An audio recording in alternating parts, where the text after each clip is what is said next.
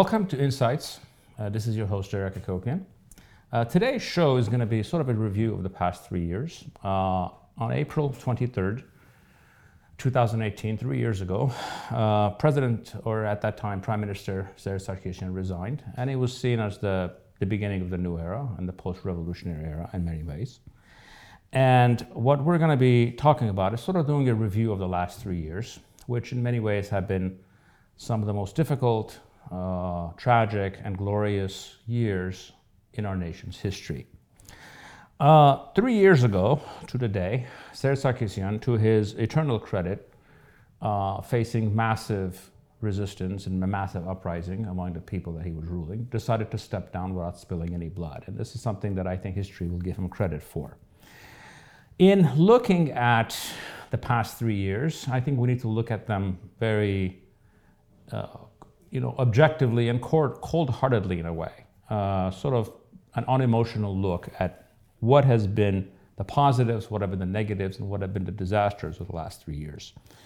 I think the biggest uh, victory or the most positive outcome out of the revolution was that the old world of the oligarchs was to a great extent smashed. Uh, monopolies have been greatly reduced in their scope. The business climate is far more open. There's a lot more opportunities for people to do things.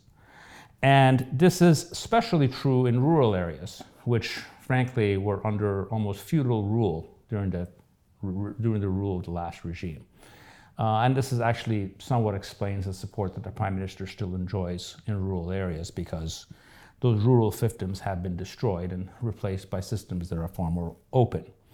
The second thing, which I think is a positive development, was in the way that we have a process in which subjects are turning themselves into citizens, where people have far more demand, far greater demand, and great far more demand far more accountability from their government.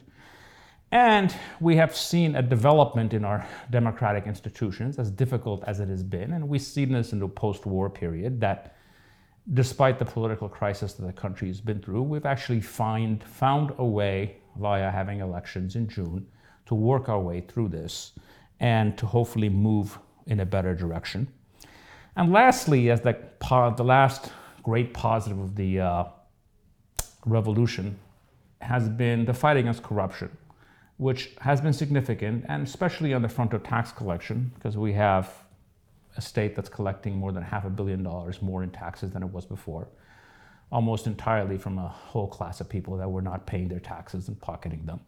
So we've had this process going on in which uh, uh, we have more state capacity to take care of our social needs, while systematically there's far less corruption, even though I think that's been accompanied by uh, a lot of ineptitude because we have systems which are corrupt but were working, and in some ways we have systems that are not corrupt but aren't working, but that's for another day. In looking at the failures of the post-revolutionary time period, as far as the structures of the state are concerned, I think the biggest failure is the lack of reform in the judiciary, which was the easiest thing for the government to actually tackle because the judiciary in this country has absolutely no credibility. And they have utterly failed in accomplishing that over the last three years. It's just something that should have been first on their agenda. Because if you're going to have a country with the rule of law, you cannot have it with a judiciary that is not working. The second, and obviously far more important in many ways, was their lack of understanding to the extent that the army and its leadership were rotted and corrupt and incompetent on so many levels. Uh, obviously, a, a, government that knows the state of its army would have approached foreign policy in a different way, or would have made it a mad rush to reform their military in a much faster scale than they were doing. And lastly, the place that we have seen the least amount of uh, growth is in the competence of the state. And this, this, we keep going back to this word competent. We do not have a competent state. Now, granted, building a competent state is not something that can really be done in three years. It's a process, but it's a very slow process. And it's, it can, it's fair to say that this government has failed in coming through and creating a more competent state. When you judge the last three years, a sort of a pattern emerges. And the pattern is in things that involved tearing down bad things from the old system, uh, this new government has actually been fairly successful in doing that. Where it has failed is in creating uh, the processes or the systems that can actually move things forward. So we're very good about do, undoing the negative negativity of the past, but there's a lack of organization, uh, lack of leadership, and a lack of skill in actually reforming the state and building a competent state and a competent economy and a competent military. Looking back over the last three years, outside of the revolution, obviously the most significant event of the last three years was the Artsakh War of 2020. And what did that war do? Uh, in some ways, to quote the great American author James Baldwin, it, uh, it woke us from the vast gray sleep which we call security. Uh, the security that we thought we had won or we had earned did not exist. And we need to be very clear about this, and we need to be honest about the outcome of this war. The outcome of this war was a disaster uh, in so many ways, and in some ways has put this country, at least on the issue of Artsakh, back 25 years. Uh, our faith, uh, and specifically the faith of the people in Artsakh, is no longer in our hands. Uh, in, the, in the same way that 25 years ago, other people, uh, in this case, the very regressive Azeri regime and Russia, have as much say in the future uh, of in the lives of people in Artsakh as we do. And that is something that did not exist for 25 years after our victory in the first Artsakh War. So we need to be very honest about this and we need to uh, come to grips with it and deal with it pragmatically, strongly, while we're working to build up the state and the military. I think in some ways, however, none of these things ever happen in a vacuum. And the events of last year uh, were really a preview of what the world is to come over the next 20 years.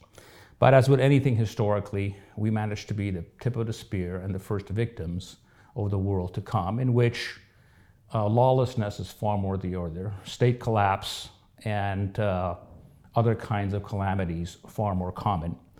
So I think we sort of get a head start in being able to organize and prepare for the next 20 years of things that are likely to come our way for many, many different countries. Uh, what should be our response?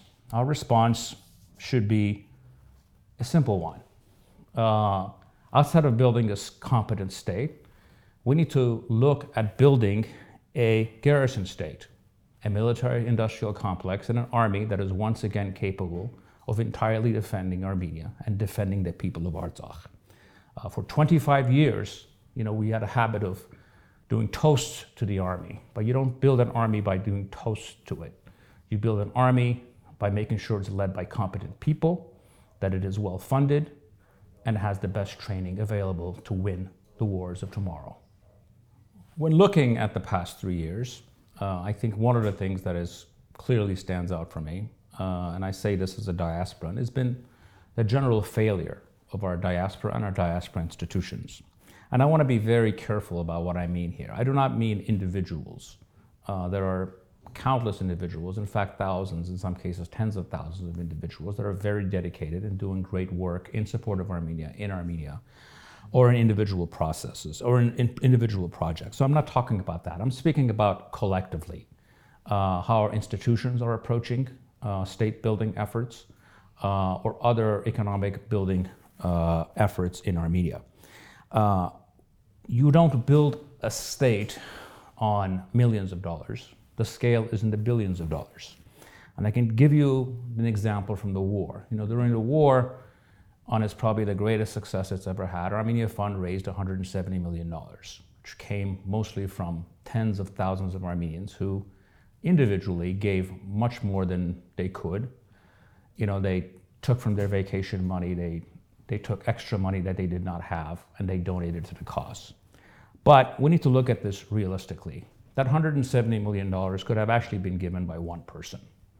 Uh, if you look at the collective wealth of the wealthiest Armenians in the world, uh, the 20 wealthiest Armenians in the world have a collective wealth, being conservative, that's above $50 billion.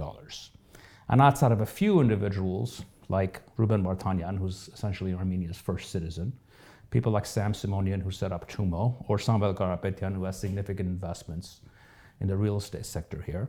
The people who could do the most for our country have done the least.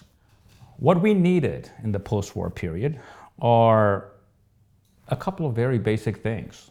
And again, this state building is expensive. It can't be done on the cheap, and we know what state building on the cheap has led to us over the last 30 years.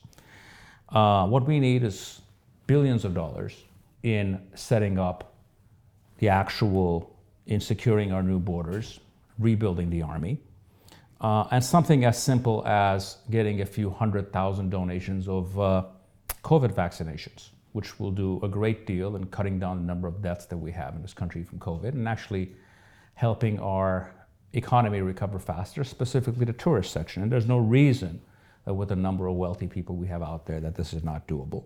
And lastly, and most importantly, is to invest in this country's economy. This country is actually has a very limited and small economy, so you can actually have tremendous impact by working on investing here, bringing jobs here, and creating employment. However, with all of these issues and all of these shortcomings, none of this is nothing that cannot be diverse, uh, reversed. Uh, I have always said this before, and I'll say it again. We are a free people with agency, and free people historically have always been able to solve their problems. Uh, even if some ways, you know, we think we're in hell today or in very difficult situations, there is a road out of hell. And the road out of hell is to be cold-blooded in your pragmatism, be dedicated to hard work, and hate mediocrity. That is what will turn this country around. Let's get to work. Thank you for joining me in this week's Insights.